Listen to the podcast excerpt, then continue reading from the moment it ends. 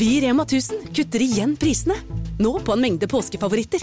For eksempel kutter vi minst 25% på 2 ganger 600 gram grillpølse fra Gilde, 10-pakk Chicago pølsebrød fra Hatting, 7-pakk tulipaner og andre påskefavoritter. Alt dette og enda flere priskutt på minst 25 For det er sluttsummen på påskehandelen som teller. Og husk at vi fortsatt har fryst prisen på over 1000 varer. En podkast fra Podplay. Metallica er et av verdens største metallband, og det må jazzes om. Mitt navn er Erik Sjarma, og i Metallista skal vi prate med diverse fans, ildsjeler og kjentfolk som alle har et forhold til Metallica. I tillegg skal vi gå gjennom noen punkter som er selve Metallista. Er du Metallica-fan, så bør dette passe som hånd i hanske. Velkommen til Metallista.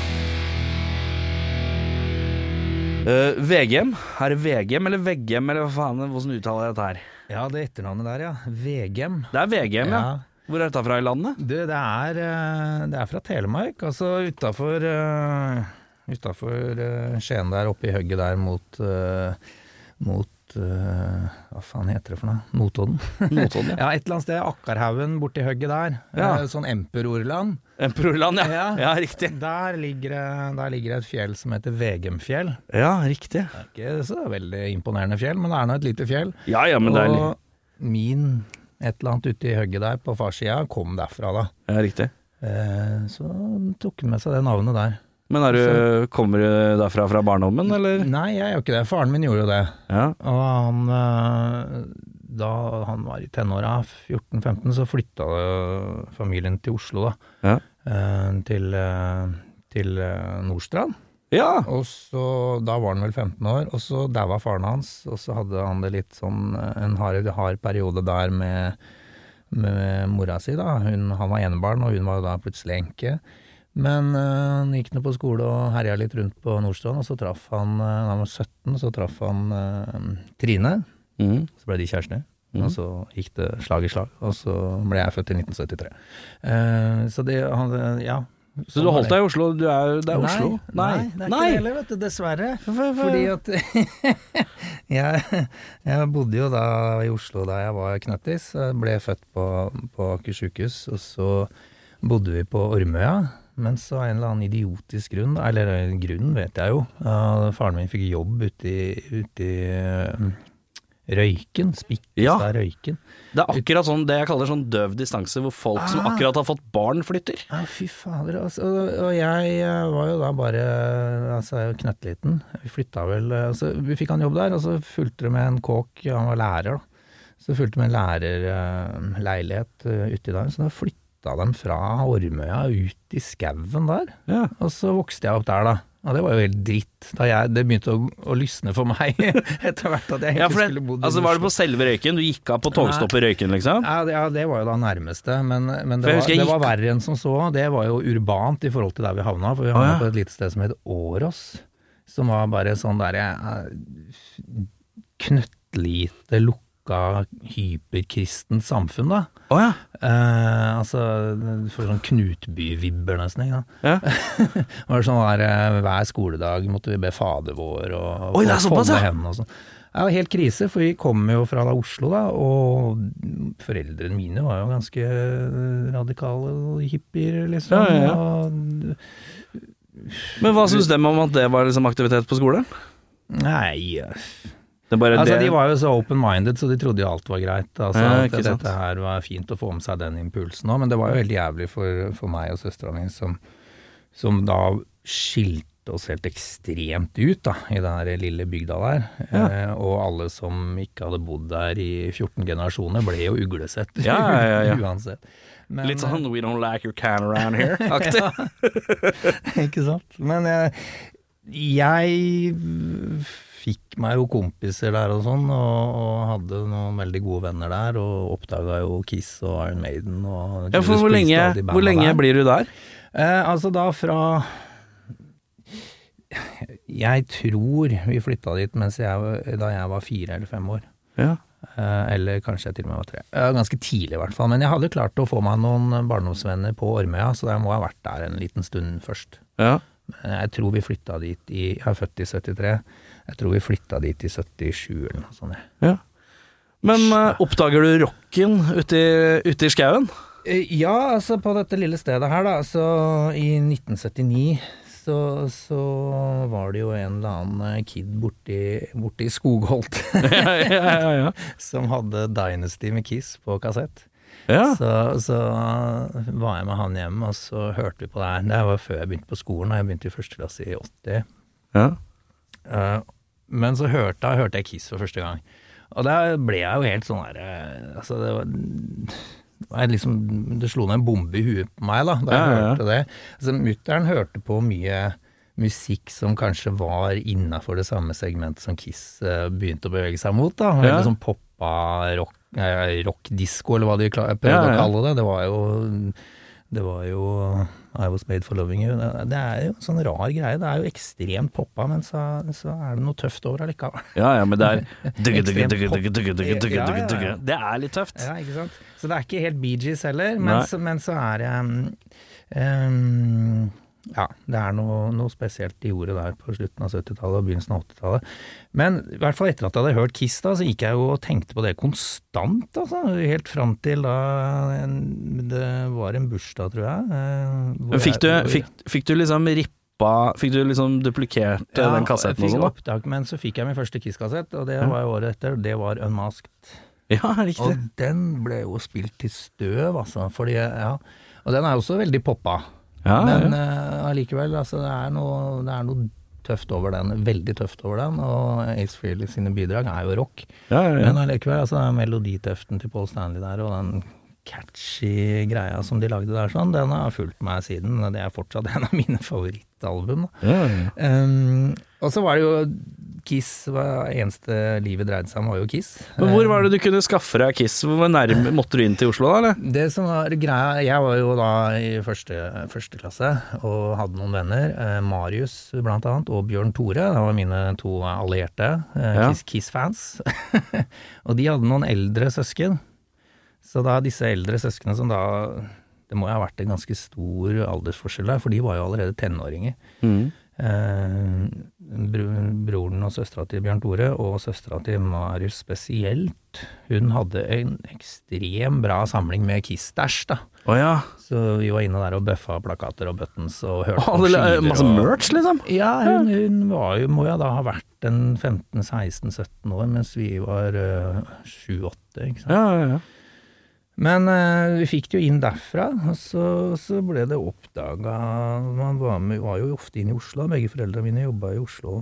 Så man var jo, jo bladde i platebutikker og, og oppdaga veldig mye band selv om man bodde der ute. Så plutselig så og Judas Priest og Iron Maiden og de banda der, Kiss, Judas Priest og Iron Maiden, de husker jeg sånn veldig sånn tydelig første gang jeg hørte det. Veldig sånn Nesten som en filminnspilling. jeg Liksom, liksom huske hvor jeg var, og Ja, ja, ja, hvordan det lukta, og ja, ja.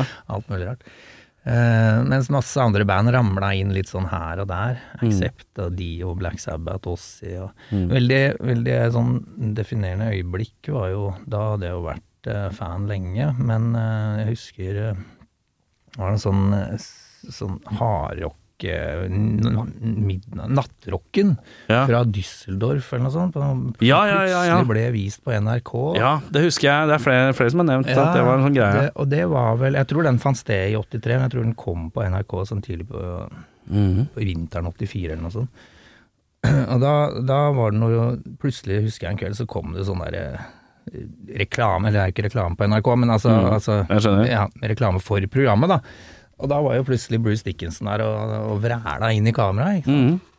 Og da gikk det jo helt i ball for meg, og da fikk jeg mast meg til å få lov å være oppe og se på dette her, og ta opp det. Mhm. Og da oppdaga jeg også Quiet Riot og Def Leppard og, og Michael Schenker, og det var jo haug med band der, altså. Og Priest var jo der, og Maiden og Ossie, og helt vill greie. Scorpions. Mhm. Eh, som da ble TV-overført. Vi fikk jo ikke sett alt her oppe i Norge, men har jo sett det i ettertid. da. Det var jo blant annet den gigen hvor, hvor eh, Iron Maiden drepte Eddie. mm, Ja, ikke sant. Ja. Men eh, jo da, så man fikk jo med seg litt, selv om man bodde ute i hugget der. Eh, Begynte det å gå utover klesstil og sånn nå, eller?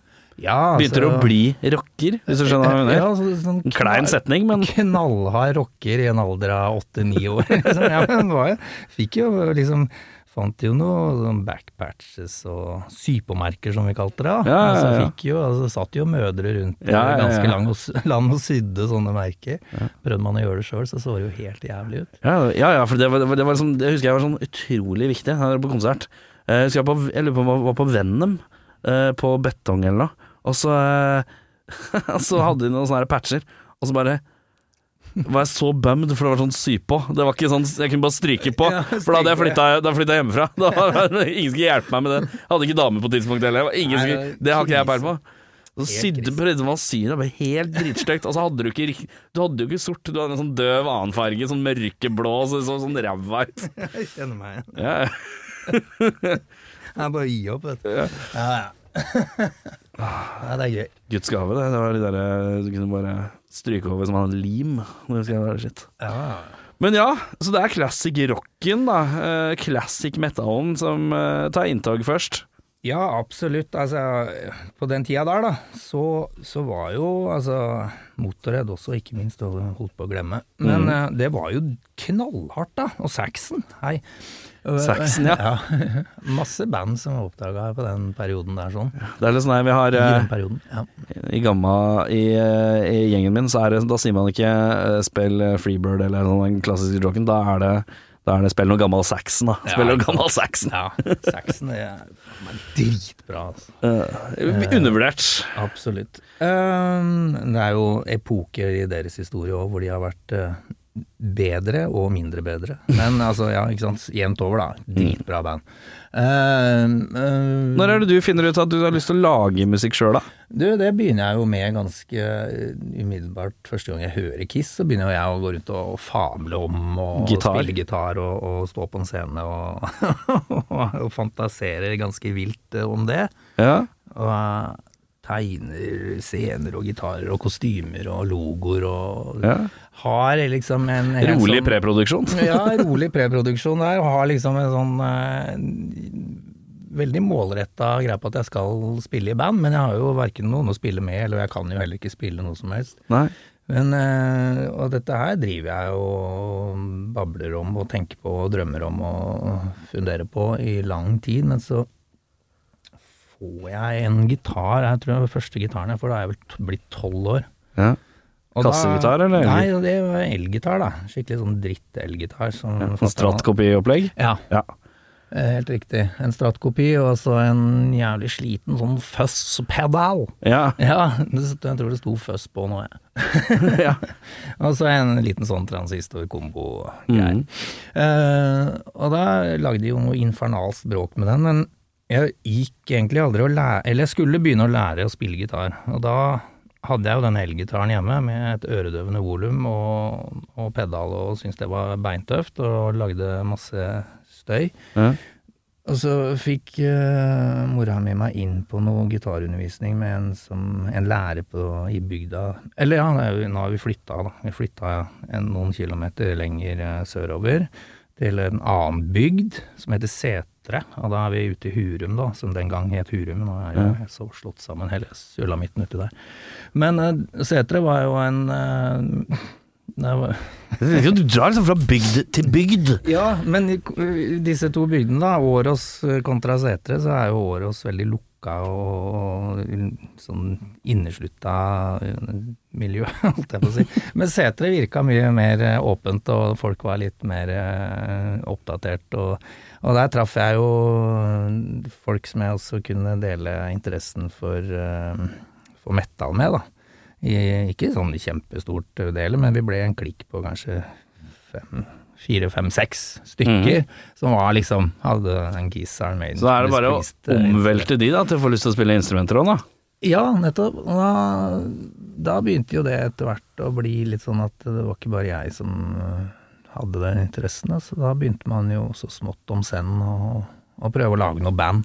Men vi var tilbake til det med å lære å spille gitar. Da Ja. jeg satte meg ned på den her gitarlæreren, så var jo det en kassegitar, ikke sant. Ja, ja. Um, og han ville at jeg skulle ta den D-korden og slå den eh, gjennom en hel låt, og det var dritkjedelig. Ja, ja, Altså, det bare tok jo helt sånn der eh, piffen ut av hele greia, så jeg tror jeg var og gikk der to ganger og lærte meg D og G og C og disse Jeg fikk den derre Jeg fikk den derre Lillebjørn Nilsen. Ja. Ja, Jævla? Lillebjørn Nilsen-gitarboka. Ja da. Som er uh, Det knirker når du blar den, for den er så kjedelig. Det er så gørr å sitte og være ikke kunne noe. Jeg hadde ikke gitarlærer, jeg satt møkkers aleine Ja. med litt sånn dårlig nylonsrenger, og den lille Ja. Og mens jeg hørte på Nirvana og Metallica om hverandre, da var ikke det, det var ikke i nærheten av hva jeg ville ha Nei, nei. ut av det. Det var helt håpløst. det, det, det er rart at man liksom skal ha Eller i hvert fall på den tida der så var det en inngangs... eh, eller ja, Ja. veien å gå for å lære å spille Ja, det var litt sånn her du må lære å gå før du løper-aktig greie. Ja, men, men må man egentlig det, holdt jeg på å si? Nei, men det er det, som er så, det er det som er så rått nå. Ja. Nå kan man folk bare hive seg på YouTube, Ja. og så lærer de å spille metal på 14 dager, liksom. En eller annen sånn kalle som har lært seg et eller annet sånn derre Lærer deg power chord først, Ja, ikke sant? og så er. Jeg ditcha jo han der gitarlæreren der ganske fort, og så ble jeg sittende bare hjemme og fikle med den gitaren, da, i, og høre på Altså, jeg syns det var dritvanskelig å skjønne hva som foregikk inni musikken her, da, Mm. og høre på høre på ting, for det gikk jo altså Mye av musikken jeg da har hørt på, gikk jo så jævla fort òg, ikke sant. Ja, er Vanskelig å, å, å fange opp da, for et utrent øre, hva, og en som da også ikke kjenner instrumentet, så er det, det er tilnærma umulig. Ja, og i tillegg så er det sånn du Sier du er så heldig at du har fått gitaren stemt, da, og så slenger du på en låt, og så viser det at den er stemt et halvt steg ned, Ja, da har du en stor utfordring. og du bare Det her vi og hvis da ingen har forklart deg hva, hva som egentlig Ja. har skjedd der, nei, men det er fordi den er stemt annerledes, så skjønner du ingenting. Nei, ja. Så det er dødslang tid før jeg liksom klarte å knekke noen sånne koder da. Altså, men etter hvert så klarte man jo liksom å Og det sitter jo og drodla og kløna lenge nå, så klarte man jo liksom å liksom skjønne konseptet der. Sånn, na, na, na, na, na. Det er jo veldig enkelt, da. Ja, ja, ja. Ikke sant? Eh, Så når man etter hvert så balla jo ting på seg. Men den rotinga, det er liksom det, det er der jeg fikk styrke i fingra. Ja, du blir, jo, du blir jo flink av det òg. Ja, ikke sant? Og så blir får du gehørtrening, men nå så er det liksom, som jeg nevnte i stad, det er liksom bare å gå på YouTube i to sekunder, da, så har du fasit. Ja, ja, Forklart i dybden, spesifikt. ja. Uh, så det, det å lære gitar nå i dag, kontra når jeg lærte det i- ja, slutten av 90-tallet, var det jeg lærte det da. Mm. Da er det bare sånn Det er to helt forskjellige verdener. Ja. Og har så jævlig lett nå, så jeg skjønner ikke hvorfor ikke det finnes flere gitarister. det, det har Det finnes mange, men det burde vært Altså, alle burde kunne spille gitar ja, omtrent nå. altså, det er jo bare å Og ikke minst kvinner. Det burde vært dødsmye kvinner nå. By now. Men ja. Mm. Nei, altså nå har jeg mista helt tråden på hvor Ja, jeg var. det er ikke så viktig. Men, nei da. Det var et eller annet med å lære å spille gitar, og sånn Ja. begynte det i hvert fall. Og så ble det noe band etter hvert og sånn. Ja. Eh, så, Hva het første bandet ditt, da? Nei, du, det er bare, det er bare innom mye Altså, før det egentlig var et band, da det bare var på tankestadiet og jeg var en knøttliten valp, så var jeg Crusader var et som jeg stjal fra Crusader, Saxon, og så var det noe Holy Hell, og det var noen tøffe greier der. Eh, ja, masse, masse rare navn, men det aller første bandet som på en måte Eller jeg hadde, jeg hadde Band og band, altså. Er det coverbandruta først, eller? Nei, det har aldri, aldri vært noe min greie, for jeg syns det er så jævlig kjedelig å sitte og plukke låter. Ja. Og på den tida der så var det jo ikke noe Jeg hadde ikke i tilgang på noe tabs eller noe Nei, YouTube, nei. som du sa. Så jeg måtte liksom sitte og høre, da. Men jeg, jeg plukka riff, men jeg gadd aldri å liksom tenke på å, spille de Det eneste jeg alltid har vært hypp på, er å lage, Lage musikk, da. Ja, ja, Jeg har aldri hatt noe særlig behov for å spille andre sin musikk. Det liksom Og det er, jeg syns det er rart med folk som er, elsker sånn coverband-mentalitet. Mm. Det finnes jo liksom et par av dem som er sånn Jeg spiller i band, hva spiller du? Nei, vi spiller bare ACDC. ja, sånn- Fy faen. Ja, ja, men det er så døvt, fordi at du tilfører ikke verden noe. Nei, jeg skjønner at det er Du bare tar noe noe som er allerede, og så fortsetter du med det. Jeg kan skjønne at det er gøy hvis du sånn, sånn full reinspikka ACDC coverband, for å ta det eksempelet der. Ja, ja, Jeg kan skjønne at det er gøy, fordi det er så jævlig partymodus og Folk fest. blir jo ja. Du får god stemning Men å, umiddelbart. å ha det som, som hovedgeskjeft, eller hovedband, da, ikke Ja. ha noe kreativ output på noe annet uh, område, det skjønner jeg ikke. Nei, ikke heller. Uh, jeg, så, så allerede fra jeg må være så lite givende på en Ja. måte. Ja, ja. Vi ikke kunne liksom vise et- et- til at man Ja, altså, selvfølgelig. Det er gøy med et sånn eh, fjollete bryllupsmetallband på si, liksom. Men, eh, På si. men, eh, men følelsen av å skape er jo det som er Ja, I hvert fall for, for, for meg, åpenbart for deg òg. Mm. Det, er derfor man- det er derfor jeg har spilt i band så å si siden, ja, siden jeg begynte på skolen, eller siden jeg på en måte oppdaga Kiss. Når er din første konsert, da? Eh, den første konserten jeg egentlig var på sånn uh, Altså, jeg er litt usikker på om det var Gry Jannicke Jarlum eller The Kids, for jeg vet ikke hva som var først, men jeg så Jannicke i Spikersuppa, da var ute. Hun sto på en scene der i Spikersuppa, og så Jeg lurer på om det var 81. Ja. Så var jeg på The Kids på Chateau Neuf, uh, i, om det var 81 eller 82, jeg er usikker på. Men en av de to, jeg, jeg slår dem liksom litt sånn sammen. Gry Annike Jarlum, var ikke hun jævla gæren? Jeg er i hvert fall blitt det, tror jeg. Ja, Masse snakk om ufoer og sånn på sine Ja, ja. gamle dager, men den gangen så var hun jo Hun var jo veldig ung, da. Hun var svake mennesker-tida, ikke sant. Ja, Ja, det er bra å ha sin egen stil. Den syns jeg er kul. ja, men det er fint budskap, det er ikke tvil om det. Ja, ja. Nei, men hun var beintøff, hun. Altså ung, ganske ung eh, tenåringsjente med masse svart sminke, og, og så hadde hun jo svarte klær med stjerne på, sånn litt sånn Paul Stanley-aktig stjerne på nedover armene. Hun var drittøff. Mm. Uh, Hadde han band? Du, jeg, altså, Det har jeg prøvd å finne ut av i ettertid, da. Men jeg mener altså Dette var jo på den tida Marius Müller også var ute med uh, Hva faen heter det? 'Jeg er den du veit'. Ja, ja, ja. Jeg tror det var rundt den tida der. Så jeg er skråsikker den dag i dag på at Marius Müller spilte gitar sammen med Jannicke på den konserten. der. Men jeg har ikke liksom klart å få bekrefta det. Jeg har ikke, ikke, jeg ikke, jeg har ikke jobba hardt for å få det bekrefta. Viktig milepæl Ja, men jeg mener å huske det, i hvert fall. Når er, det du, når er det du spiller din første konsert, da? Uh, nei, det tok kjempelang tid. Fordi at jeg, det der banda jeg hadde, det var jo det var skralle greier. Jeg hadde jo et band, som sagt, der på, på, ute på seteret der, eh, som Jo, og det spurte om i stad, hva het det? Da bare tok vi navn fra pedalen til han andre gitaristen, og den, det var jo Distortion, da. Ja, Så det ble, det så det ble det første bandet. Ryddig, det. Ja, la en sånn tøff logo med to sånne like På hver side, ja. speilvendt, sånn, Ja, litt sånn Death Angel-aktig distortion. Ja, ja, sånn ja. Altså, jævlig tøft. Eh, men vi spilte og øvde og herja veldig mye, vi. Men vi spilte vel aldri noen konsert, så vidt jeg kan huske. Nei, det gjorde vi ikke. Og så stakk jeg av gårde til, til Trondheim og gikk, prøvde å gå på noen folkehøyskole og sånn etter ungdomsskolen. Så jeg spilte ingen konserter før jeg var ganske gammel, ja. altså. Hva er gammel, da? Uh, opp, opp i 20-åra, fordi at eh, Nei, vent litt nå. Jo, vi spilte Nei, så kom jeg tilbake. Jeg må bare tenke, det er jo så mye Ja, ja, ja. Eh, veldig mye band, men lite livespilling. Men vi, det stabla et eller annet sånn jævlig dårlig punkband på, på Eller var i hvert fall eh, Det kunne sikkert blitt noe, men det var sinnssykt dårlig da, i hvert fall. På beina, og det må ha vært i 89 eller 90 eller noe sånt. 90, tenker jeg. Uh, og da spilte vi vel en konsert på en ungdomsskole som så det må ha vært noe av det mest eh, katastrofalt dårlige som har blitt eh, Ja, men jeg tror de fleste har vært gjennom Ja, ja. det. Nei, man skal man, Jeg syns det er veien å gå, jeg. Du skal, du skal ha lyst, og du skal jobbe for det, og du skal drømme om det, og du skal mislykkes, og du skal drite deg ut, og du skal Alt, alt skal liksom Og så etter hvert så blir det, får du kanskje dreis på det, og så blir det bra. Men eh, Nei da. Men jeg eh, fikk liksom aldri noe ordentlig dreis. Så ble jeg far veldig tidlig. Da. Jeg ble far Eller veldig tidlig, altså.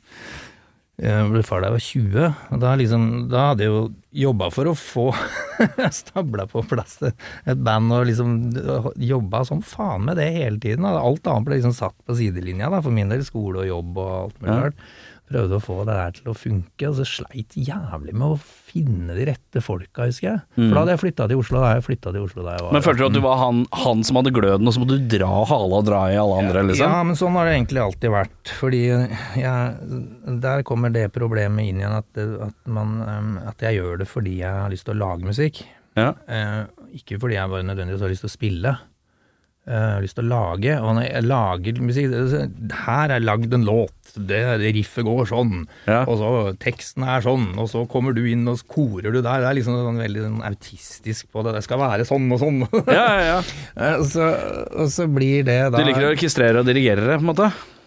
Ja, altså jeg liker å lage det, Mm. og det, det syns jeg er gøy, da. Uh, og det er jo ikke alle andre som syns det er noe gøy å bli fortalt hva man skal gjøre, heller. Ja. Så det er vanskelig å, å finne noen å spille med, da. Dritvanskelig. Så jeg har liksom prøvd å inngå noen kompromisser med eh, at, at, eh, at man kan gjøre om på, på det jeg har lagd og sånn, men innenfor visse begrensninger. Altså jeg er ikke Ja, med på hva som helst. Og, Ja. Og så har jeg, nå har jeg klart å finne folk som kanskje er med på det, og så, så er det Ja, det var veldig vanskelig. Eh, og så ble jeg far, og så ble liksom hele den bandgreia lagt på hylla, og det bandet jeg hadde da, bare gikk i dass. Og så var jeg far eh, Hva het det bandet som gikk i dass, da? Det var pokker het det? Det het så mye rart. Stinkfist og Er vi punkerike da, eller? Ja, Ja. punk, metal, altså. Det var veldig Veldig mye innom eh, Hva skal man si for noe? Eh, Det er noe tidlig 90-tall, da.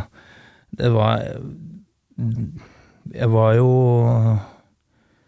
innom Fra den der klassiske Priest Maiden Kiss Sabbath-greia over til trashen, som var helt dominerende i mange år, og så kom eh, 90-tallet og, og, og punk i stor grad. Men så jeg var jo ikke skjerma for grunchen, jeg. Jeg syns at uh, Tad og Mudhoney og Nirvana og alt dette her var dritkult, jeg. Gjorde det? Ja, ja, ja. Det er så uvant, for jeg føler at uh, de Det, jeg, jeg har jo utenforstående Jeg har jo sett deg spille med Blood Tsunami, jeg har sett deg spille med Mongo Ninja, og det, du slår meg som en sånn eh, jeg, jeg, når, man ikke kjenner folk, så tar man jo en vurdering fra hva man ser.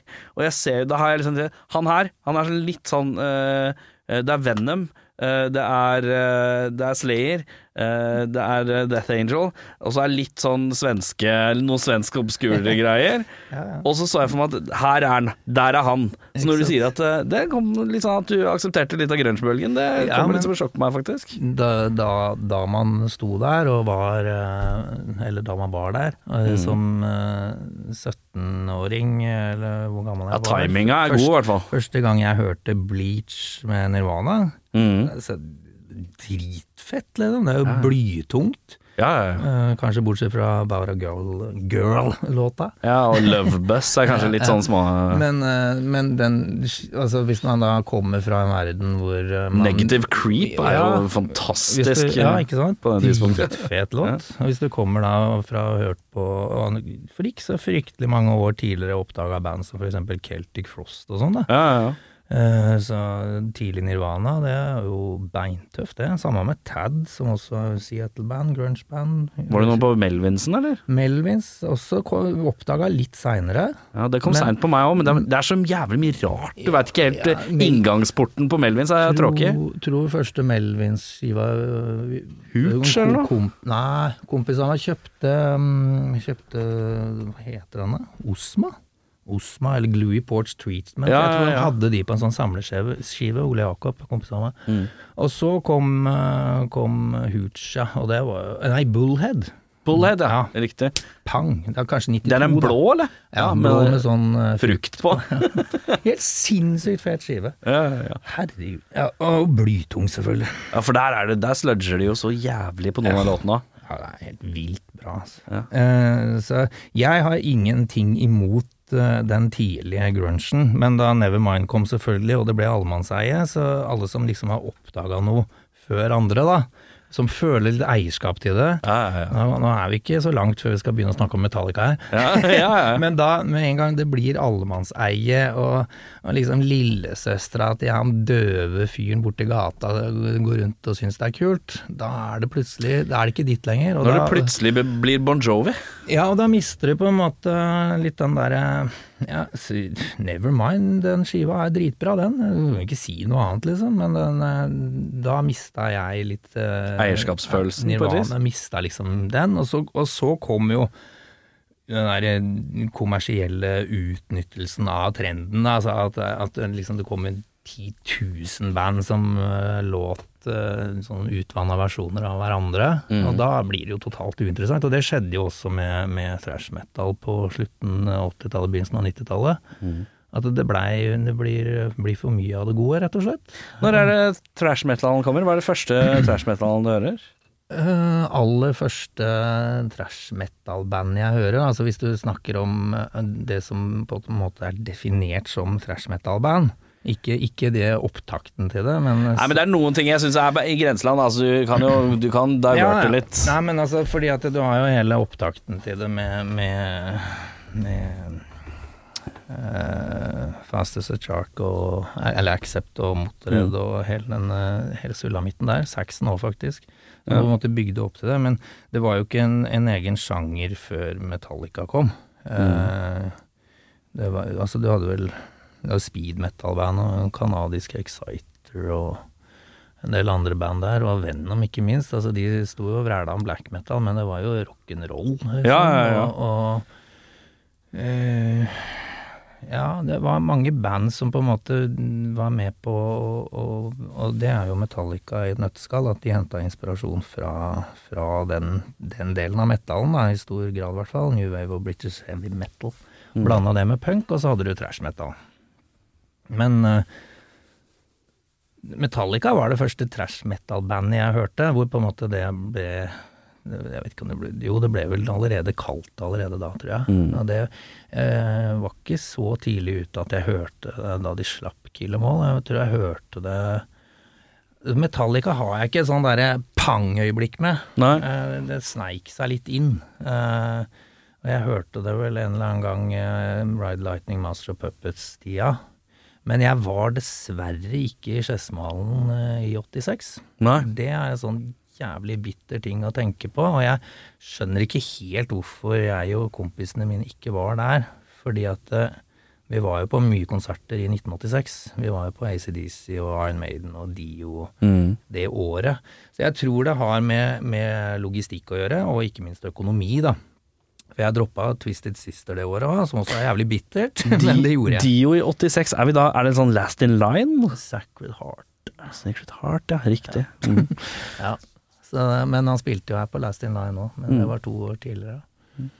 Men da var jeg i hvert fall ikke der. Men jeg var på Kiss i 1984. Det var jeg. Ja. Ja. Det var på en måte den første sånn ordentlig store konserten. Det var Kiss i 84, Animalized-turneen i Drammenshallen. Men eh, dessverre, da. Tilbake til eh, Metallica, så var jeg ikke der. Eh, og det irriterer meg den dag i dag, for det var jo da selvfølgelig, som alle vet, rett før Cliff fikk en buss på seg. Ja, ikke sant. Så det er jo Det hadde vært altså, Ikonisk eh, ja, konsert, ja. Det var liksom en av de aller siste mulighetene til å i det hele tatt se ham. Mm. Så de som var der, kan jo prise seg lykkelig over det, bortsett fra at de også selvfølgelig fikk en jævlig bra konsert, men så var det liksom last call for Cliff. Men um, når du hørte Metallica, var det liksom noe av det hardere du hadde hørt da, eller var det noe før det som hadde vært opptakten eh, av liksom Når vi går fra, ut fra Iron Maiden og Judas Priesten, Mm. så har du på en måte et par Da er liksom Metallica ett nivå opp. men har Ja, du hørt på noe annet der som er hardere? Nei, det var altså Da Metallica kom, så var det Det var et sånn paradigmeskifte der. Det, var, det er ganske markant eh, skille på det, selv om eh, Overkill med Motorhead og Fast as a Shark og, og en del Saxon-låter som går fort, da. Ja, det er tempoet, men det er ikke det teknisk, like høyteknisk Et eller annet eh, Nei, det var, noe, det var noe nytt. Det var et eller annet at man, man stoppa litt opp. Men allikevel så hadde jeg ikke den store liksom oppvåkningen som jeg senere skulle få litt senere, da jeg hørte Slayer. Ja. Eh, fordi Metallica er på en måte Det er så en blanding av så mye som man hadde hørt før. Bare at det Ja. var spilt eh, litt hardere, og det var enda litt tøffere. Og ikke minst så, så det visuelle, da. De så jo ut som, som vanlige folk. Altså Ja, ja. kvisete, stygge tenåringer med olabukse. Ja, Ja. ikke sant. Det var ikke all den staffasjen. Altså, da jeg oppdaga dem, så var jo heavy metal i Altså store, store Store og hele veldig jålete, da. Ja. Ekstremt mye krimskrams og sminke og hårspray og jåleri. Men jeg tror det er en sånn greie som en eh, generasjon nå har hatt med Mastodon. Etter at man liksom har assosiert metal med mye sånn svart og bla, bla, bla. Og så kom Mastodon eh, med Leviathan og flanellskjorter og bare så ut som de var roadiene, basically, omtrent. Det er kult, det. Og det er litt sånn å ta det ned på jorda igjen-aktig, da. Mm. Det er litt kult, det der, altså. Du vil alltid få Enhver trend vil alltid få en mottrend. Ja, ja, ja. Ja. Men uh, når er det Slayer kommer inn i bildet? Nei, det var eh, Det var uh, Rain in Blood, det. Så jeg, det første gang jeg hørte Angel of Death der, da Det var sånn der bli blåst eh, gjennom eh, rommet og treffe veggen, liksom. Eh, for det, det er jo enda et skritt opp da når det gjelder hastighet og aggresjon og, og alt sånn, mens der hvor Metallica på en måte hadde mye mer tydeligere elementer av uh, Sabbath og Iron Maiden og Priest og Motorhead og alt var liksom pakka inn i en uh, jævlig kul pakke. Jeg elska Metallica på den tida der. Men uh, Slayer var jo mye mer sånn bare total ødeleggelse, liksom. Knuse all motstand. det, uh, noe annet som på en måte er den store forskjellen på Metallica og et band som Slayer, er jo at Metallica har eh, De er jævlig følsomme, da. Mm. De spiller både på altså, den nådeløse aggresjonen og tempoet, men så er det også temaer der og, og, og låter som, som er bare er så vakkert, da. Altså, Man får jo, begynner nesten å grine når man hører liksom mellomspillet på Master of Puppets eller begynnelsen på Fade to Black og sånn. Maler med jævlig bred pensel, ja. de er jo mye mer sånn der altså et, et av ytterst få band som i hvert fall jeg kan si at liksom både er beintøffe, knallharde, men også ekstremt uh, softe og følsomme. Mm. Det er jo det samme med, samme med Iron Maiden, for eksempel. Mm. Hvor du har Altså, det er jo temaer og, og så gitarspill og sånn i Maiden som bare er så ja, nydelig, da. Mm. Og så er det sånn, er det noe med sånn smakfullt pompøst, Ja. hvis du skjønner. Ja, ja. Det er litt sånn sånn Å, fy faen, det er cheesy, men det er, det, det er Ja, ubenektelig, du liksom. spiller på hele følelsesregisteret, da. Ja, ja, ja. Mens Slayer bare er aggresjon og faen i helvete. Men uh, når uh, man hører gjennom uh, din musikalske Ja, hva skal man si? Din, hvis man finner dine band gjennom tidene, da er det mye faen Ja, det er, jo, det er jo det. Det er ikke til å stikke under en stol. Nei da. Men hva, hva er det i deg? Har du, har du mye aggresjon i deg? Har du hatt mye aggresjon i deg? ja, jeg har nok det, ass. Jeg har nok det. Altså, jeg har et jævlig stort behov for å i hvert fall eh, Jeg vet ikke om det er derfor eh, den musikken har appellert sånn til meg òg, men det er jo antageligvis det. Altså Istedenfor å, å begynne med kickboksing eller et eller annet annet. Så jeg tror det er eh, Terapeutisk? Ja, absolutt. Det har, det har vært en sånn måte å, å få ut aggresjon på, da. Fordi at eh, Forbanna på mye og mange. Så det greit å få det ut på en eller annen måte. Og jeg tror det kreative ville jo vært der uavhengig av aggresjonen. Ja, ja. Altså Hadde man ikke gått rundt og vært fly forbanna hele tiden, så hadde man kanskje lagd noe annen musikk. Men han hadde lagd musikk for det, jeg. ja, ja. ja men der, jeg husker jeg jobba på Vaterland, og så eh, hadde vi ei dørvakt der. En pakistansk herremann som da hadde jobba mye på sånn eh, blå liksom utesteder utested hvor det har vært danseorientert og sånn. Og så var, sånn der, eh, så var han så veldig opptatt så, så gikk jeg ut for å ta meg en luft, det var litt rolig i kvelden, og så gikk jeg bare sånn Ja, så går det Det er så rolig her, altså. Og så bare sånn Å? Hva, hva tenker du på? Nei, dere rockefolk, dere sitter bare stille og drikker og tar ikke Ingen slåss og det er sånn Ja, men det er fordi at vi hører Altså, vi hører på en helt annen musikk som gir oss en slags ro. Når jeg er forbanna, så setter jeg på Slayer med Payback eh, eller, eh, eller Disciple. Eh, Det er mye God Hates Us All-plata. Og da får jeg, da får jeg, da får jeg, Da senker mine skuldre seg. Eller hvis jeg sitter hjemme og eh, skriker inn i en mic og tracker en eller annen uh, sinna-låt. Det er dritdeilig utløp. Da slipper jeg å gå med sånn pent up white boy-aggresjon. Hvor jeg skal slåss med noen, eller et eller annet sånt.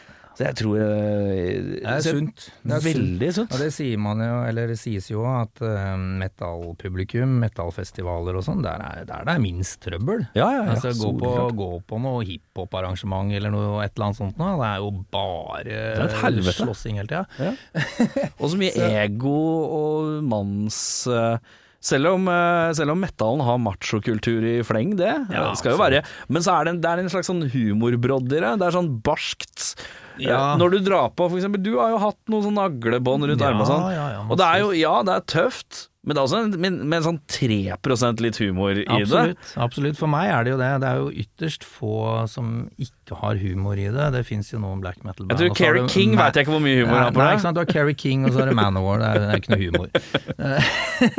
nei da, men det skal jeg liksom Altså jeg det, Til det med aggresjon og, og machokulturen og sånn, er ikke sånn at jeg går rundt og er fly forbanna hele tiden, men jeg har hatt mye sånn derre mye sånn drit som har plaga meg da, opp gjennom åra, og det har jo resultert i at um, jeg også har liksom gjort mye dumme ting, men jeg tror, tilbake til det der eh, terapeutiske ved det, at, det- at det også holdt, eh, holdt meg veldig sånn på Holdt meg litt i vater, da.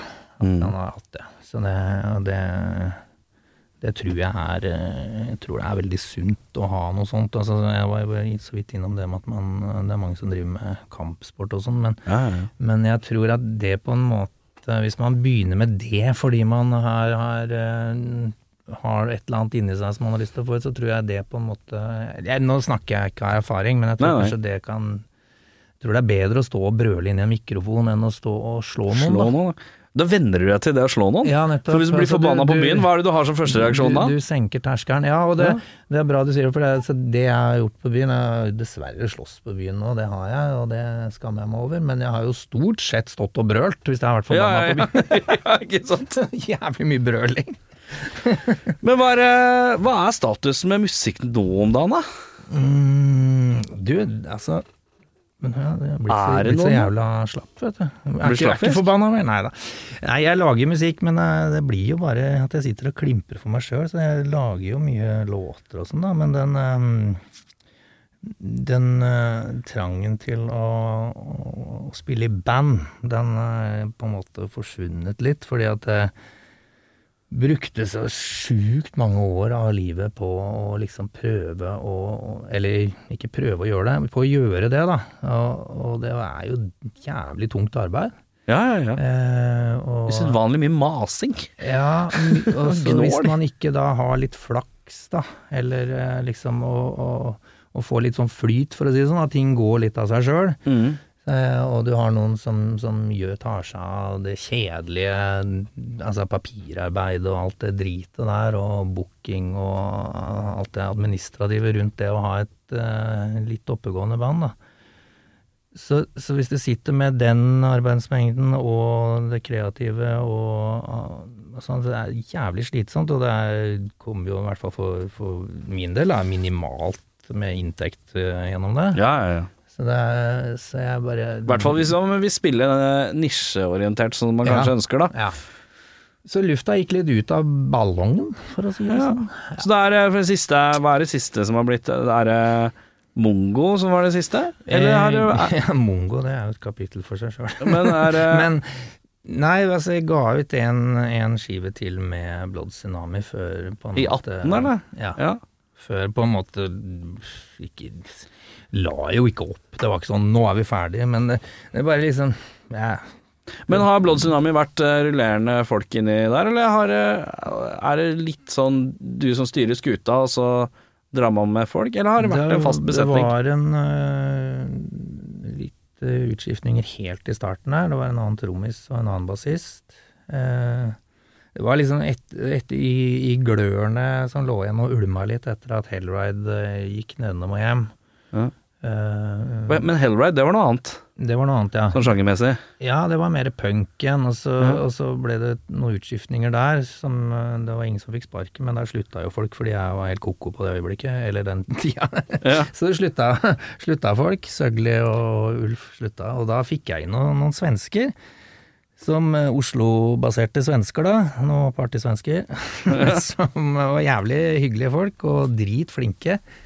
Men eh, de gjorde jo Hellride om til noe helt annet enn det det var, og det som på en måte var min, eh, mitt ønske, da. Ja. Så det gikk jo fra å være ganske brutalt punkband, eller sånn Poison ID-land kanskje, Ja. band, til å plutselig bli 70-tallsrock, liksom. Oh, ja. Jeg, jeg liker 70-tallsrock, jeg elsker det, men det var ikke det jeg hadde lyst til å spille. Nei, nei. Det, det ble, og jeg bare åh, jeg var så ute Så på den tida. for- Så, så du jeg ville- lot det skje, da. Så du ville hardere, mens resten av veien gikk mykere? Eller? Ja, ja, du kan si det sånn. Eh, så De var jo langt flinkere enn meg sånn, til å spille teknisk og sånn, og de kom jo fra De hadde jo et eget band, i hvert fall to av dem, da. Hvor Ja. de hadde jo masse låter og sånn, så det var liksom bare zup, Så var de to banda Ja. eh, slått sammen, og så så satt jo jeg på det tidspunktet der uten noe særlig materiale, og var egentlig bare på fylla hele tida, og bare lot liksom Det var litt sånn uh, silent killer der. De, Ja, kom, ja, ja. de kom inn, og plutselig så hadde var det liksom Jeg sa bare ja, ja, ja, du kan synge du, ja, ja, du kan jo det. Du bare lot det fisle ut? Ja, så var det plutselig et helt annet band, og så hadde vi en, eh, en eh, skive igjen på den kontrakten med, med White Jazz i Sverige, og så ble den siste skiva er jo, det- altså, det er jo band jeg ikke kjenner overhodet. Det, det, det er ikke noen uh, Jeg har vel én låt der, uh, som, men ingen av tekstene. Men det er jo Blood Tsunami, liksom? Nei, det er Hellride. Nei, det var Hellride, ja, riktig. Og så gikk jo dette åt helvete da, i 2003 eller noe sånt. og da brukte jeg 2004 på å, stable nytt band på bandet, og da, liksom, da skulle det i hvert fall være hardt, liksom. Det var Ja. ikke noe å spørre om, noe, ja. noe å lure på. Uh, og da var jeg innom en del folk, og så spilte vi inn en demo som eh, ble ganske jalla. Eh, og så sparka jeg han eh, trommisen, han var en nådeløs òg, vet du. Dritkul fyr som het Jørgen, som jeg var jævla glad i som venn, liksom. Hadde det kjempegøy med. Men uh, sorry, det her holder ikke mål. Må gå. Ja. og så, så fikk jeg inn eh, Bård Faust, han Ja, fikk, fikk demoen. Han hadde sett oss spille i det, et eller annet greier i Drammen på Union scene, så snakka litt sammen der, så fikk han den demoen, og han sa jo det at det, det er jo ganske ute til tider, men hører jeg potensialet der, så blei han med, da. Ja. Og da balla det på seg, så fikk vi inn uh, Tok jeg med meg han uh, svensken fra ene svensken fra Hailride, han kom inn på bass igjen, da. Men uh, han eh, Faust, er, eh, hadde du, kjente du han fra før, eller? Nei, jeg gjorde ikke det. Altså, jeg visste jo selvfølgelig, som alle andre, godt hvem han var. Ja, han har jo han har jo en, en historikk. Han har en historikk. Altså øh, Ja, jævlig god trommis. Emperor, og behøver ikke å snakke noe mer om det andre, egentlig. Det snakka nok om. Ja. Men øh, eneste jeg hadde og, øh, hatt med han å gjøre tidligere, annet enn å se han øh, ute på byen på tidlig på 90-tallet, det var jo egentlig bare at vi hadde jobba sammen på en konsert på Valle Hovin for, øh, for All Production, eller Oslo Crew som det heter. Mm. Men uh, da er liksom bare lempa noe, noe Rigga noe scene sammen og bare sett at der er Faust fra Empero, liksom. Mm. Og så gikk det som det gikk for hans del, og han var jo borte da en god stund, kan man si. Mhm. Og så, da han kom tilbake, så, så drev han og han begynte nå å frekventere utesteder i Oslo litt igjen, og så han jo sto litt bak. Var du en sånn. Elm-fyr, eller? Bård? Ja, altså han Nei, var du? Var du en sånn Elm, Street-fyr? Nei, jo, jo, nei, jeg var jo ikke den harde kjernen på Elm Street. Jeg. Da jeg flytta til Oslo, så var jeg allerede på en måte introdusert eh, til rock'n'roll og Last Train. Ja, Last Train, ja. Så, så da jeg kom til Oslo som 18-åring, eller 17-åring, så, så havna jeg der, og der eh, på rockhold spesielt, da, så var det jo veldig mye alternativ, ganske hard eh, eh, punk eh, og alternativ rock på den tida der. Eh, og på Last Train så Last Train var rare greier. Der kunne de spille alt fra Det gjør de jo fortsatt. Alt fra Alf Prøysen til Slayer, liksom. Mhm. Eh, men det var mye Beatles der også, husker jeg. Men jeg havna på en måte der, så da gikk Jeg var jo nede på Elm Street òg, men eh, der kjente jeg jo ingen. Så, så begynte jeg på forsøksgymnaset, og der var det jo mange som hang på Elm. Så jeg var jo innom Elm titt og ofte, jeg, altså. Men jeg var ikke den som, som satt der hver ettermiddag og spiste middag der og, og liksom var en del av det. Det var jeg aldri. Men jeg var der mye, men ikke så mye. Men ja. Øh, men eh, Blood Tsunami, øh, rolig på den fronten. Hvordan kom øh, Ninja sammen, da? Hvordan var det? For det var også med Faust, var det ikke det? Jo, han kom inn der òg. Han gjorde det. Det er Mongo Ninja. Altså, jeg spilte jo med Kristoffer eh, på 90-tallet i Datsun. Å ja, du spilte i Datsuns, ja. Ja, eh, ja Datsun uten S-en. For oh, ja. ja, for det var et annet band som het ja, Datsun, sa ja, de er vel fra New Zealand eller Ja, noe sånt. faen, det er sant, det. Ja. Datsun, ja. Ja, ja. ja, kult det òg. Men eh, Datsun fra Oslo, det mm, punkebandet til Kristoffer Schau, ja. som han starta etter Gartnerlosjen her en eller annen gang. Um, der kom jeg inn på eh, Etter første singelen deres, og var vel med på den første skiva. Um, og så slutta jeg der etter hvert for å prioritere Hellride, da. Eh, Men eh, da lang spole framover. eh, Da Blood Tsunami hadde gitt ut to skiver, og det på en måte hadde tatt mye tid og energi, og vi møtte veggen ved at vi ble Vi vi fikk nei til, av plateselskapet vårt i England. Eh, Candlelight. Eh, De sa nei til å sende oss på en eh, europaturné sammen med Absu og Jeg husker ikke hvilket annet band det var, men det var i hvert fall en pakke som ville vært veldig bra for oss der og da. da. 2009 var Mhm. Hvorfor sa de nei? Nei, det var eh, økonomiske eh, Ja, sånn greier, da. At de ikke, altså, for vi hadde jo ikke noe økonomi sjøl til å og Vi var litt sånn, måtte være litt bråkjappe med å bare snu oss rundt og si ja, ikke sant. Mm. Eh, så hadde vi jo ikke det, de, økonomien til det, og så spurte vi Candlelight om et lite forskudd der, og så sa de nei, og da røyk liksom den turneen for oss, da. Og da det, det burde ikke være noe spiker i noe kiste, det, men det var veldig demotiverende der og da. Så da så traff jeg Kristoffer, sånn tilfeldigvis i en eller annen setting, og så, så sa jeg at eh, nå er jeg så drittlei av at liksom alt skal være så jævla vanskelig. Og ikke bare starte band og bare spille akkurat det vi vil, bare for at det skal være gøy? Sånn høy. Ja, ja.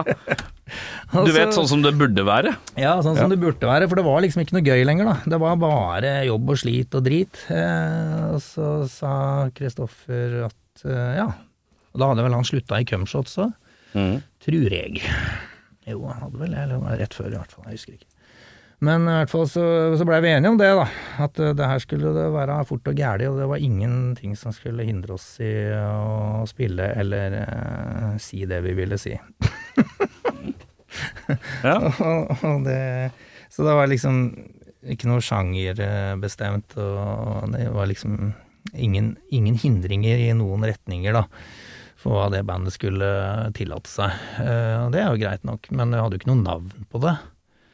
Eh, så, men så var det vel et eller annet eh, Kristoffer hadde et eller annet eh, som han på det daværende tidspunkt syntes var hysterisk morsomt. Det bildet da av en, en stakkar med Eller det er sikkert ikke noe synd på han, han er sikkert fint, men en fyr med downs som, som står med en nunchako Mm. eh, og som har, sikkert har det gøy. Og så, så sto det over det bildet, så sto det Eller jeg vet ikke om han sa det bare. Se på den mongo ninjaen her. Eller et eller annet sånt. Og så ja, Det er vanskelig å helt forstå, men da blei det bandnavnet, da.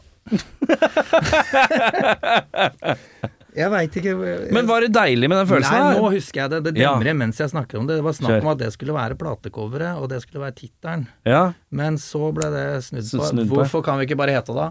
Ja, og så var det Nei, jo, det kan vi vel. Gjør hva faen du vil, du. ja. Men det er, så du ga litt slipp på det, da? Du, du tenkte bare 'nå skal jeg bare spille'?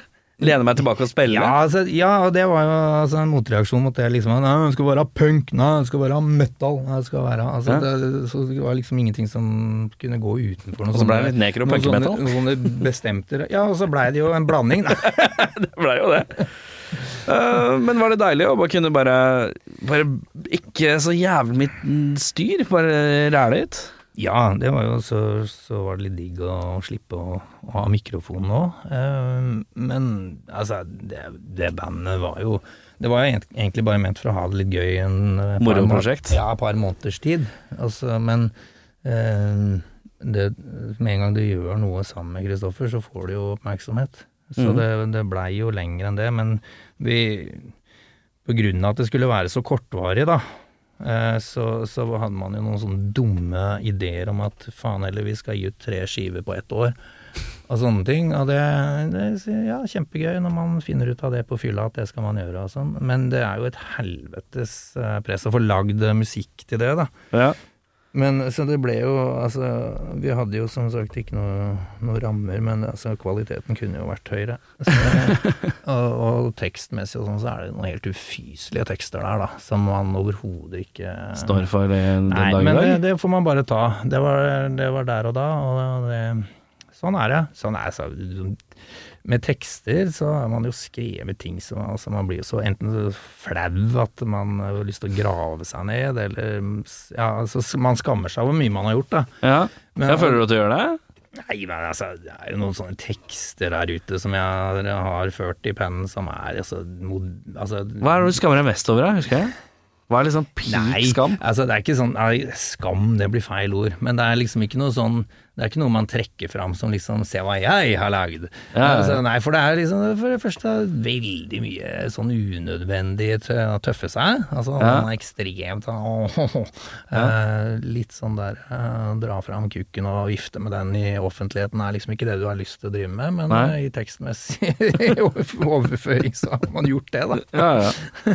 Eh, Så det, det er jo ikke noe altså, nei, det er ikke noe sånn å s- sette fingeren på. Altså, det er veldig mye sånn mannssjåvinistisk drit som jeg overhodet egentlig ikke Jeg er jo ikke sånn overhodet, men eh, når jeg har skrevet, så har jeg kanskje vært jævlig forbanna på noen enkeltindivider eller personer, da. Og så har det kommet ned i, i tekstform, og så blir det, ser det kanskje ut som det rammer langt flere enn det egentlig for min del har liksom vært ment å være. Pluss at det voldelige innholdet i noen av tekstene mine er jo også over alle støvleskaft, altså. Ja. Eh, Sånn der, du tenker på ting jeg har skrevet, og så bare fy faen, hvor kommer ideen fra overhodet, liksom? Det er, det er liksom Men det blir jo litt som Altså, det er jo en eh, kunstform, det òg, da. Altså, å, å kunne Altså, se på Cannibal Corpse, liksom. Det er Ja, ja, ja. om å gjøre å være mest mulig voldelig. Det er gimmicken. Ikke sant? Så det blir noe sånn at du skal hele tiden toppe deg sjøl òg, men uh, det definerer jo ikke opphavsmannen overhodet, da. Altså, Nei. man har en uh... Men det som er skummelt òg, er jo at uh, Cannibal Corpse, da, der, der, der kan du liksom lese ironien litt tydelig. Ja. Du, du ser humoraspektet, du ser at du skjønner at det er så drøyt at det bikker over, Ja. så du skjønner at det er kødd, men det er den skumle grensa når de ikke Absolutt. Skjønner du? Når du ikke når helt det punktet. Det fins jo mange som ikke når det punktet, da, hvor det bare er kjipt, liksom. Ja. Men så blir det sånn der at ja, greit, det er for å, det er for å lage en kjip tekst da, med et jævlig innhold, eh, og som kanskje henspiller på de følelsene som, som du har lyst til at eh, du skal få utløp for, i- for i musikken, da. Altså avsky eller aggresjon eller altså reinspikka fortvilelse eller altså et eller annet. Mm. Og da kan du jo skrive ting som, som du kanskje nødvendigvis ikke mener, men det er bare for å liksom trykke på de knappene, da. Men tenker du i forhold til det Jeg babler, tida flyr. Ja. Eh, mener du Hva tenker du om å skrive tekster når du er helt nede sjøl? Ja, Og så taper det, og så er det på en skive, og så retrospekt, ja det, så er, det er noe altså det, det, det, For en sånn filterløs uh, tilstand som i hvert fall jeg har vært, til, vært i i perioder av livet mitt, hvor jeg liksom ikke har hatt noen sånn spesielle hemninger på det hva jeg har uh, lagt ned på skive, da. ja. vært litt, eh, jeg skulle kanskje vært litt mer kritisk.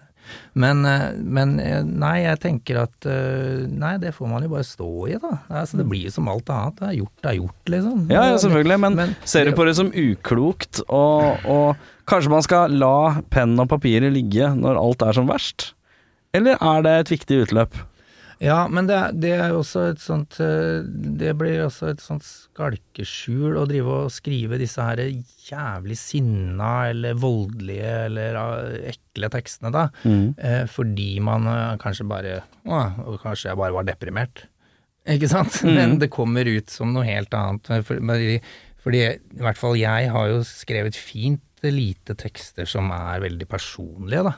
Det er jo bare sånn fiksjonvrøvl, ikke sant. Ja.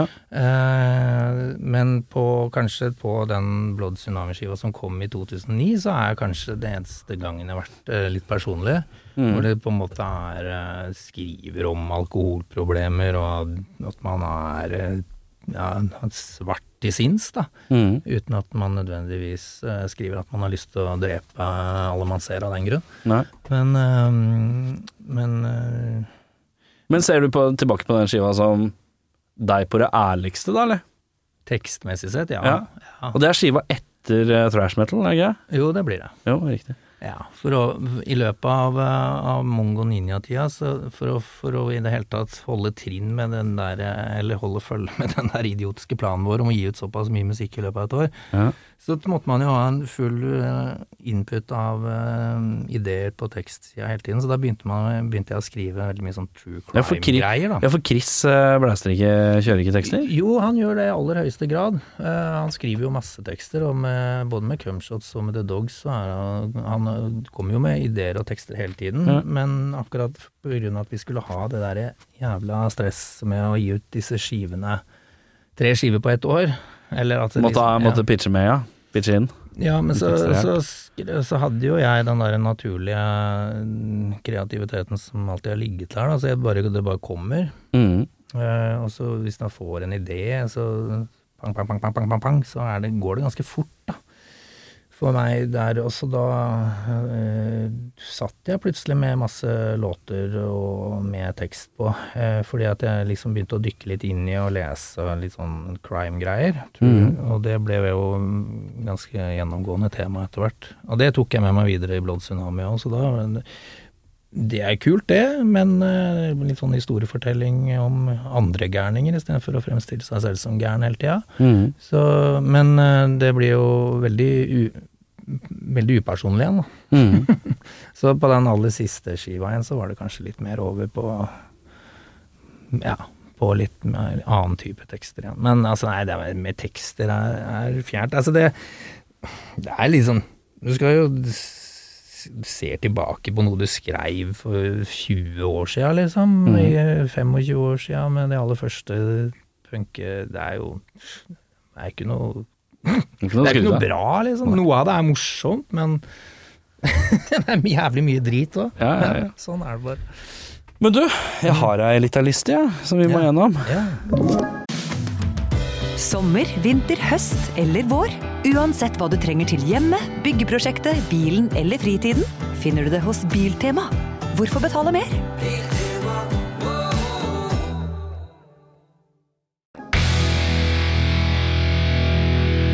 Metallica. Metallica. Du har vært innpå det. Ja. Ikke den store aha-opplevelsen med Metallica, Nei, altså jo, i den forstand at det, det men ikke på samme måten som Kiss Nei, og ikke sånn, ikke sånn veldig sånn isolert hendelse som har vært sånn derre Eksplosjon av liksom Nei. Det er mer, de sneik seg mer innpå, så plutselig så, så var, var på en måte hele den gamle Det hele gamle forholdet til metal og, og, og hvordan man skulle se ut og hva man skulle synge om og sånn. Alt det ble forandra med Metallica. Mm. Men det, det var ikke sånn over natta, det var litt sånn litt her og der. Snek seg inn. Ja. Men hvis jeg spør om beste lineup, hva sier du da? Og hvorfor sier du det du skal si? Fordi det er den lineupen jeg eh, oppdaga det med. Ja, Ja, det, altså det er jo det Med Cliff Burton, regner jeg med. Ja, med Cliff og Kirk, da. Eh, det fantes jo et Metallica før den tid òg, med en annen gitarist som vi kjenner godt, og Ja. også en annen bassist. Ron McGovney. Ja, Ja, helt riktig. Eh, Jeg har jo hørt den derre Life to Leather-demoen. Den kassettdemoen, ja. Ja. Den er kul, den. Men jeg oppdaga jo Metallica med Kirk og Cliff. Clifferen. Så det er den lineupen. Eh, og det var jo Altså, fy fader. Sånn som de så ut på, på Ride Lightning og Master of Puppets og sånn, de så så sinnssykt tøffe ut, da. Eh, altså, og Cliff, det var liksom eh, Han passa jo egentlig ikke inn sånn imagemessig. Ja, for han var 70-tallsrocker. Ja, altså, slengbukser og sånn. Han så jo mer ut som sånn Geezer Butler, eh, Ja, ja. ikke sant? Eh, Men allikevel litt flatere hår. Litt, Ja, litt rettere. Ja. Geezer gikk faen meg rett ut på siden. Det er noen bilder av Geezer Butler som er, er ganske Han og Tony Yomi med noe jævlig fluffy hår. Ja, ja. Det er fine. Så hadde, Cliff eh, dratt på seg Han hadde kanskje det innimellom, men hadde han dratt på seg en sånn sur nedoverbart der i tillegg, så fy faen. Ja, Det er noe greier. ja. Favoritt-bandmedlem, da? Mm. Enkeltstående? Eh, Kan du ta tak i det indre barnet? Hvem er kulest, liksom? Nei, altså, jeg, det, der sliter jeg litt, der, for jeg har jo alltid syntes at eh, James Hetfield er jo en av de aller tøffeste frontmennene jeg veit om. Eh, sånn som han var på slutten av 80-tallet og begynnelsen av 90-tallet. Altså, det fantes jo ikke noe tøffere fyr enn James Hetfield. Nei, nei, nei. Men pluss at han er jo da sammen med Lars den, Lars. Ja. sammen med Lars, den kreative liksom International talk. Ja. Ja. Eh, Den uh, kreative delen er i hvert fall i hovedsak i Metallica. Så jeg har jo alltid hatt uh, Alltid digga James Hetfield, men jeg har mista mye Jeg skal ikke gå inn på, på dette her i stor grad, men han har, han har falt langt ned på, på stigen med, med den her i helvetes uh, bjørnejakta si. Det, det, jeg klarer liksom ikke helt å tilgi han for det. Ja, eh, i Russland eller et eller annet, eh, og Ja, noe ja, bjørnejakt. eh. Opp- Oppe i Alaska. Ja, for du er en eh, litt sånn ivrig dyretype, du. Ja, jeg er det. Eh, Jævlig døv forklaring, beklager det, men jeg vet ikke hvordan jeg skal beskrive det. Jeg, jeg, jeg kjøper deg en ivrig dyretype, jeg, er det. Ja, Ja. Absolutt. Jeg har jo kanskje blitt det mer og mer. Um, Hvordan, eh, hvorfor det? Nei, altså jeg har alltid ja, Jeg må snakke om det likevel, da. Ja, ja, men for eh, er du Ja, ja. naturens mann? Ja, Fortell. jeg har alltid vært jævlig glad i dyr, da. Eh, Ja. som, eh, som mange sier at de er. Men altså og det, For de fleste så, så begrenser det seg til hunder og katter og de dyrene de eventuelt eh, tilfeldigvis eh, ser på en bondegård. Mm. Eh, og sånn var jeg jo. Veldig, veldig glad i dyr. Og så spiste jeg dem. Eh, Mhm. Og det har alltid skurra litt for meg, men jeg har liksom alltid trodd at eh, sånn skal det være. Mm. Man må jo ha mat, sa man jo. Eh, og så var det et, på et eller annet øyeblikk altså, Kognitiv dissonans, da, at du hele tiden prøver å, å justere moralen din og følelsene dine ut, sånn at det er i, i vater med det du gjør. Mm. Det blir aldri helt riktig hvis du driver og gjør ting du egentlig ikke kan stå inne for, da. Ja. Og sånn gikk jeg jo rundt hele tida, og hadde alltid liksom dårlig samvittighet for at jeg spiste kjøtt. ja. Og sleit med det lenge, liksom. Faen, Jeg har ikke noe lyst til det. Jeg syns griser er helt topp, liksom. Det er dritkule dyr. Ja, ja. Og kuer òg. Altså, altså var jeg så ekstremt eh, motstander av eh, pelsdyrindustrien, da. ja. Jeg syns det var en veldig forkastelig greie, så jeg begynte å engasjere meg litt i det for en del år siden, og gikk i fakkeltog og støtta, inn, ja. støtta, noe av sånn på, på det grunnlaget, da. Ja. Pelsdyr, liksom. Det, fordi liksom, de blir jo drept bare for at noen er forfengelige og skal gå med pels. ja, ja, ja. Uh, og så det sto jeg liksom Som var veldig imot det. Uh, og så gikk jeg jo i det her fakkeltoget, og så var det etter at jeg hadde gjort det en et par år, for det var jo et årlig arrangement Mm. på den tida, eh, så, gikk jeg etter et sånt fakkeltog, så gikk jeg og spiste. Så gikk jeg og spiste pizza, og så satt jeg der og så bare grubla litt. Så satt jeg i skinnjakke, da, og spiste, spiste et annet dyr, liksom. Ja. Altså, på et eller annet tidspunkt så bare falt den mynten ned, da. At et individ er jo altså, like mye verdt om du er en mink i et bur, eller om du er en ulv i en skog, eller om du er eh, en hund hjemme i sofaen til naboen, liksom. ja. Eller en kid i en barnehage. Eller en kid i en barnehage. Altså, ja, for det, så hvis du likestiller alt. Men det gjorde jeg ikke der og da. Men jeg innså i hvert fall det at å gå i det fakkeltoget uten å, å på en måte slutte å spise dyr, så var jeg i hvert fall en hykler, da. I Mm. beste fall. Uh, så da, da bestemte jeg meg for å slutte å spise dyr. Og så begynte uh, Slutte da med liksom å med, eller jeg slutta først med melk og, og, og trappa ned sånn, da. For etter hvert som man oppdaga mer og mer, så, så ble det mer og mer absurd å i det hele tatt uh, spise kjøtt og melk og egg og sånt. For det var, jo, det var jo dyr jeg aldri i min villeste fantasi ville funnet på å plage eller drepe sjøl.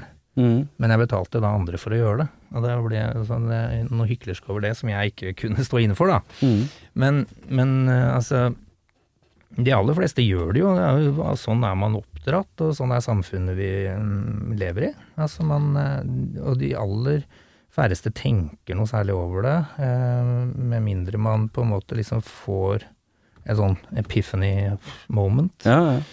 Jeg syns det er virker så vanskelig å være i en uh, vegetarianer slash veganer slash whatever situasjon, da, fordi eh, det, er en sånn eh, Ja, du kan gjøre det for din egen del, og din egen samvittighetsdel, den ser jeg. Men uh, de som kanskje har et sånn ytre vinkel om at uh, uh, jeg, jeg kjøper ikke den pakke, pakka med kjøttdeig, for da blir det kanskje produsert mindre kjøttdeig. Den er så Det er liksom så langt unna å være mange nok til at industrien skal få seg en omveltning, da. Ja, men man må, man må begynne et sted, og det eneste man kan begynne med, er seg sjøl. Altså, Ja, det er for så vidt alle Men er du av den som tenker at ja, jeg kan være med å få ned kjøttdeigproduksjon, f.eks.? ja men, ikke- ja, ja, men det kan jeg jo, fordi at jeg er jo en av mange. Og så det jeg gjør, og det jeg står for, da. Eh, jeg drar jo Altså, det er sjelden, men det hender jo at folk tar det til etterretning. Det, Eller snakker med meg om det, og, så, og, og tar det jeg sier til etterretning, og tenker på det selv, og setter seg inn og, i saken og ser de filmene og hører på den, det foredraget og bla, bla, bla.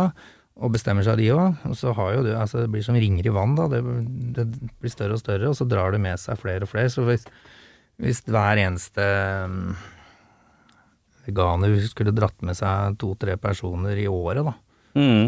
så blir det Det, Det går sakte, baller- men det baller på seg, ja. Jeg Ja, og, det, og det, det gjør det jo, og det går fortere og fortere. Um, Så man må liksom bare bestemme seg for hva man står for, da. Eh, og, og det er jo mange som, som ikke klarer å, å koble den kjøttpakka opp mot uh, at, de, at de på en måte gjør noe gærent ved å kjøpe den. Mm. For den uh, kua inni der er jo allerede død. Men det er på en måte ved å kjøpe den, så, så anerkjenner du at du vil at dette skal fortsette. Eh, Det blir litt sånn som at hvis du hadde på en som Maurits hadde hengt eh, noen T-skjorter som du visste var laget av barnearbeidere i Bangladesh, Mm. og så, no, så hang det noen T-skjorter ved siden av der som du visste ikke var det. Den fra Bangladesh var mye billigere, Mm. Eh, men du visste det. At hvis jeg kjøper den, så, så sier jeg at fortsett med den produksjonen der. Fortsett sånn. Ikke sant? Så det er et valg vi tar, da. Ja. Jeg bare føler at det er så Det, skjønner, det er noe med den der, det går så sakte. At man føler, det er litt som jeg har også det samme forhold til grønne og blå uh, søppelposer. Jeg føler at jeg har ikke helt trua på det. Jeg tror ikke det gjør nok nok. Det er, jeg skjønner at det er en liten endring, og, Ja, ja. og setninga 'hvis mange nok gjør det'. Ja, Problemet er at jeg tror den der evolusjonen går så sakte. Men vi skal ikke ta den debatten nå. Jeg er, ikke, jeg er verken for eller imot, og jeg Men- forstår veldig godt hva du mener. Du ramla inn på det med James Hetfield og det der bjørnejakta hans. Da. Og grunnen til at, eh, at eh, akkurat det han driver med, syns jeg er helt forkastelig. Altså, han går ut eh, i naturen, og så skyter han et praktfullt dyr bare for å underholde seg sjøl. Eh, men han låner også stemmen sin til sånne videoer, jaktvideoer, hvor han på en måte er fortelleren. Å ja. Og liksom narrated by James Hetfield og sånn, og så er Ja. det en eller annen idiot som driver og tøffer seg ut i villmarken der og skyter en eller annen bjørn. Faen, du elsker Ted Nugent òg, kan jeg regne med, da, tenker jeg. Ja, samme problem med Ted Nugent. Jeg, jeg syns jo han er verdens største rasshøl, liksom. Ja. Eh, og så har han eh, beklagelig, merkelig nok, beklageligvis, fordi jeg liker en del av låtene hans. Jeg skulle ønske jeg ikke gjorde det, men jeg klarer jo ikke å høre på Ted Nugent lenger. Det er stranglehold til ja, til nød, for da synger han ikke sjøl. Ja, det er, det er, det er riktig. Men altså, eh, jeg er ikke så Jeg er ikke så eh, Jeg er ikke så forbanna på James Hetfield at jeg ikke klarer å høre på Metallica, men han Nei. er ikke favorittmedlemmet mitt lenger. Nei. Det er han ikke. Og det, altså, så hvem faen er det, liksom? Han, eh, vet du hva, hvis jeg skulle velge en av, en av de fire eksisterende i bandet, da, Ja. eh, så, så hvis jeg skulle liksom ha tatt en kaffe med en av dem, Ja. skravla med og hatt eh, antageligvis den mest interessante samtalen, så det blir Lars, altså. ja, det blir Ja, det. det blir den mest forhatte av dem. Eh, Jeg tror han er den, eh, den der kulest for meg å snakke med, da. Både om hvordan han på en måte er eh, hjernen bak Metallica på 80-tallet, og hvordan han hans vei fra Danmark til Los Angeles og alt dette her. Så- Jeg tror også han er han som har fingeren i jorda på hva som skjer både i undergrunn og i overgrunn. Ja, jeg tror altså, jeg han tror har han- litt peiling, altså. Absolutt. Jeg tror han er Han er eh, Man kan si hva man vil om trommespillet hans, altså, men på 80-tallet så var han dritgod. Han spilte trommer eh, som, som man ja, nesten ikke hadde hørt før på den tida der. Og han, kanskje Sloppy live og sånn, altså, men det driter jeg i. Det han, eh, det han la, ned på, la ned i studio på 80-tallet, det er helt legendarisk. Eh, og han uh, han er, han er irriterende aksent. Han, han, han snakker hele tida ut med tunga. Er litt sånn, sånn fyr som det er lett å, å synes er litt dust, da. God gammeldags, Men- litt sånn dra til trynet. Ja, men så er han, han har jævlig mye bra å fare med, da. Så jeg tror jeg ville valgt Lars, jeg. Den, som ja, danske. Ja. Favorittera? Kan du velge år eller albumrekke, tenker jeg. Favorittera. Nei, Det blir jo Det blir jo Kill Em All til og med Master Puppets, det. Ja. Jeg er veldig glad i altså 83 til 86, da, til og med 86, men jeg er veldig glad i Unjustice for All òg, fordi jeg tror eh, Jeg hørte Master Puppets eh, Jeg hørte den i 86, men da var jeg liksom ikke Det var jo Da var jeg ikke sånn helt fullblods Metallica-fan ennå. Nei, riktig. Så, men i de åra fra 86 og opp til 88, så, så, så fikk jo liksom bygd opp en sånn veldig kjærlighet til de tre foregående skivene og band, og man leste historien og ble liksom veldig sånn kjent med, med Metallica, da. Og så kom Justice for All i 88, så det var liksom den første skiva som jeg gikk og venta på, da. Ja, ikke sant. Og Så den har jeg litt spesielt forhold til av den grunn.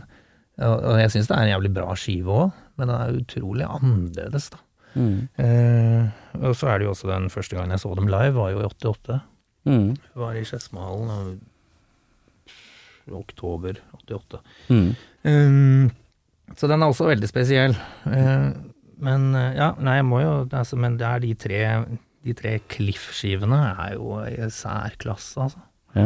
Og det beviser vel også at han at Grunnen til at de skiller seg så mye ut, at han hadde en Selv om han ikke lagde nødvendigvis så veldig mye, så hadde han nok mye å si i studio, tror jeg. Det tror jeg òg. Jeg tror nok han var med å lage en del av. Eller altså det er, Ja. det, er no, det er noe sånn klassisk musikk-vibe eh, som du ikke får i skivene etter, Ja, som mangler litt.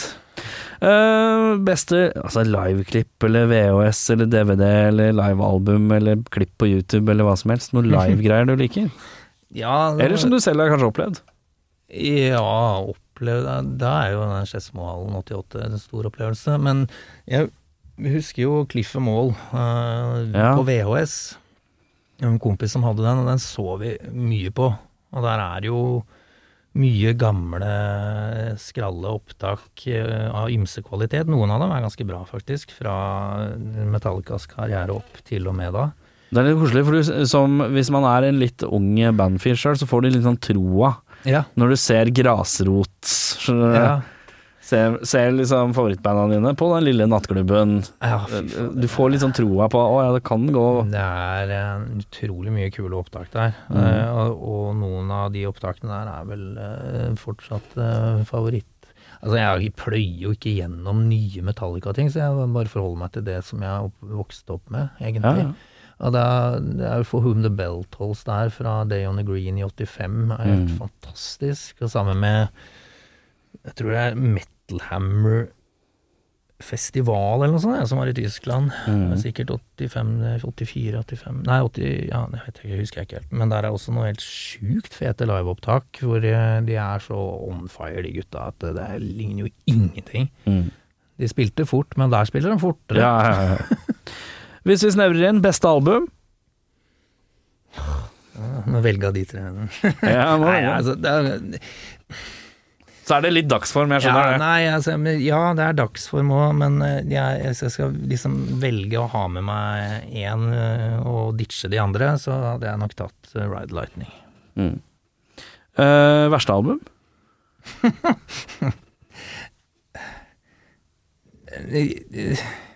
Nei, altså, jeg har, jeg har faktisk ikke hørt gjennom hele St. Anger engang, for jeg syns den er så jævlig. Så Ja. det, det må bli den. Jeg har ikke hørt Lulu har jeg aldri hørt. Nei, men den har vi ekskludert, for det er mer, Ja, det er det er mer sånn Lou Reed-plate. Ja, det, det er- Lou Reed med Metallica, ja, kontra jeg- Metallica med Lou Reed. Ok, jeg har aldri satt meg inn i den. Nei, det er noe ræl. Ja, det tviler jeg ikke på. Men uh, St. Anger, da, da den Altså, Fuel Nei, hva heter den for noe? Load og reload. Ja. Men jeg syns ikke da, da var jeg så totalt uinteressert i Metallica da de kom, så jeg, sjekka vel ikke ut før mange mange år etterpå, men det er ikke noe sånn særlig som appellerer til meg der. Nei. Eh, så, men St. Anger, den, den liksom er jeg litt nysgjerrig på, da. Ja. Det var bare en vanvittig nedtur. Mm. Så den, eh, den henger lavest for min del, altså. Mm. Uh, beste låt? Fader. Skjønner også at det er litt dagsform, selvfølgelig, men Ja, det er, det er Altså, Creeping Death har alltid vært en stor favoritt. Men uh, Ja, Ride Lightning er favorittskiva, men kanskje favorittlåta er likevel på Master of Puppets. Så jeg har alltid vært veldig glad i Disposable Heroes. Mm. Uh, med den som er bare noe helt uh, vanvittig brutalt over seg. Altså i den krigsfortellingen der, altså det synet på på krig da, som de formidler der, er jo altså, den der meningsløsheten. eh, Kaste bort det der unge mennesket. Du Du kan bare få inn en ny en med en gang. Så det er veldig aktuelt da, med tanke på hva som foregår i verden i dag. da. Mm.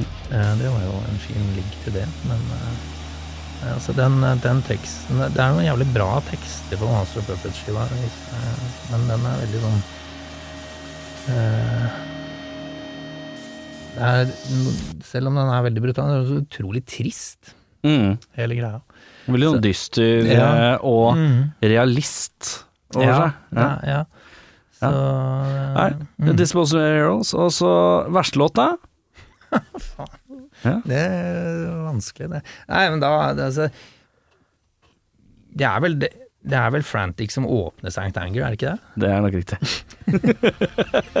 For det var liksom det var da Et svar jeg har hørt mange ganger på denne podkasten her, faktisk. Det er ikke så mange som er glad i tikk-tikk-takk. Nei, det er altså det, er- nei, det, nei, som sagt, da jeg hørte Jeg har ikke hørt gjennom skiva, men det var mitt første møte med den skiva, og det var jo bare sånn der eh, total hakeslepp på grunn av det begredelige nivået, da. Ja. Så nei, det får bli Frantic, da. Siste spørsmål for dagen. Anbefaling av et band som Metallica-fans kan sette pris på? Ja Ikke lov å si Blood Tsunami. Nei.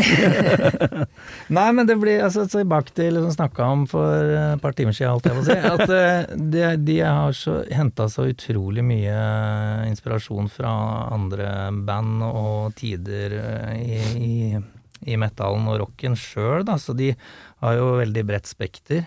Så jeg tenker at for å, for å finne et band som en Metallica-fans vil like, så behøver jo ikke det nødvendigvis være et band som ligner på Metallica. Nei, Det er jo veldig lett å gå for noe Metallica har covra, selvfølgelig, men det blir for obvious. Men mm. nei, altså, jeg tenker det må være et band som, er, som på en måte spiller på hele følelsesregisteret igjen, da. Sånn som vi snakka om, altså, sånn som Maiden gjør, og sånn som Metallica gjør. At de har liksom både det tøffeste av det tøffe og det mykeste av det myke. Um, noen, noen få band som gjør det for meg, det, bortsett fra de nevnte, det er jo altså Magnum. Uh, uten at det har noe som helst med trash metal å gjøre. Men, uh, og New Model Army, som ikke har noe som helst med trash metal å gjøre. Nei. Men uh, de på en måte har litt den både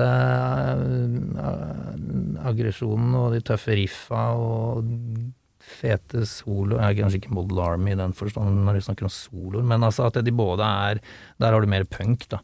Du både, både har eh, aggresjon og, og det, det harde og, og brutale miksa opp med mot uh, For et album, da. Veldig fine følelser.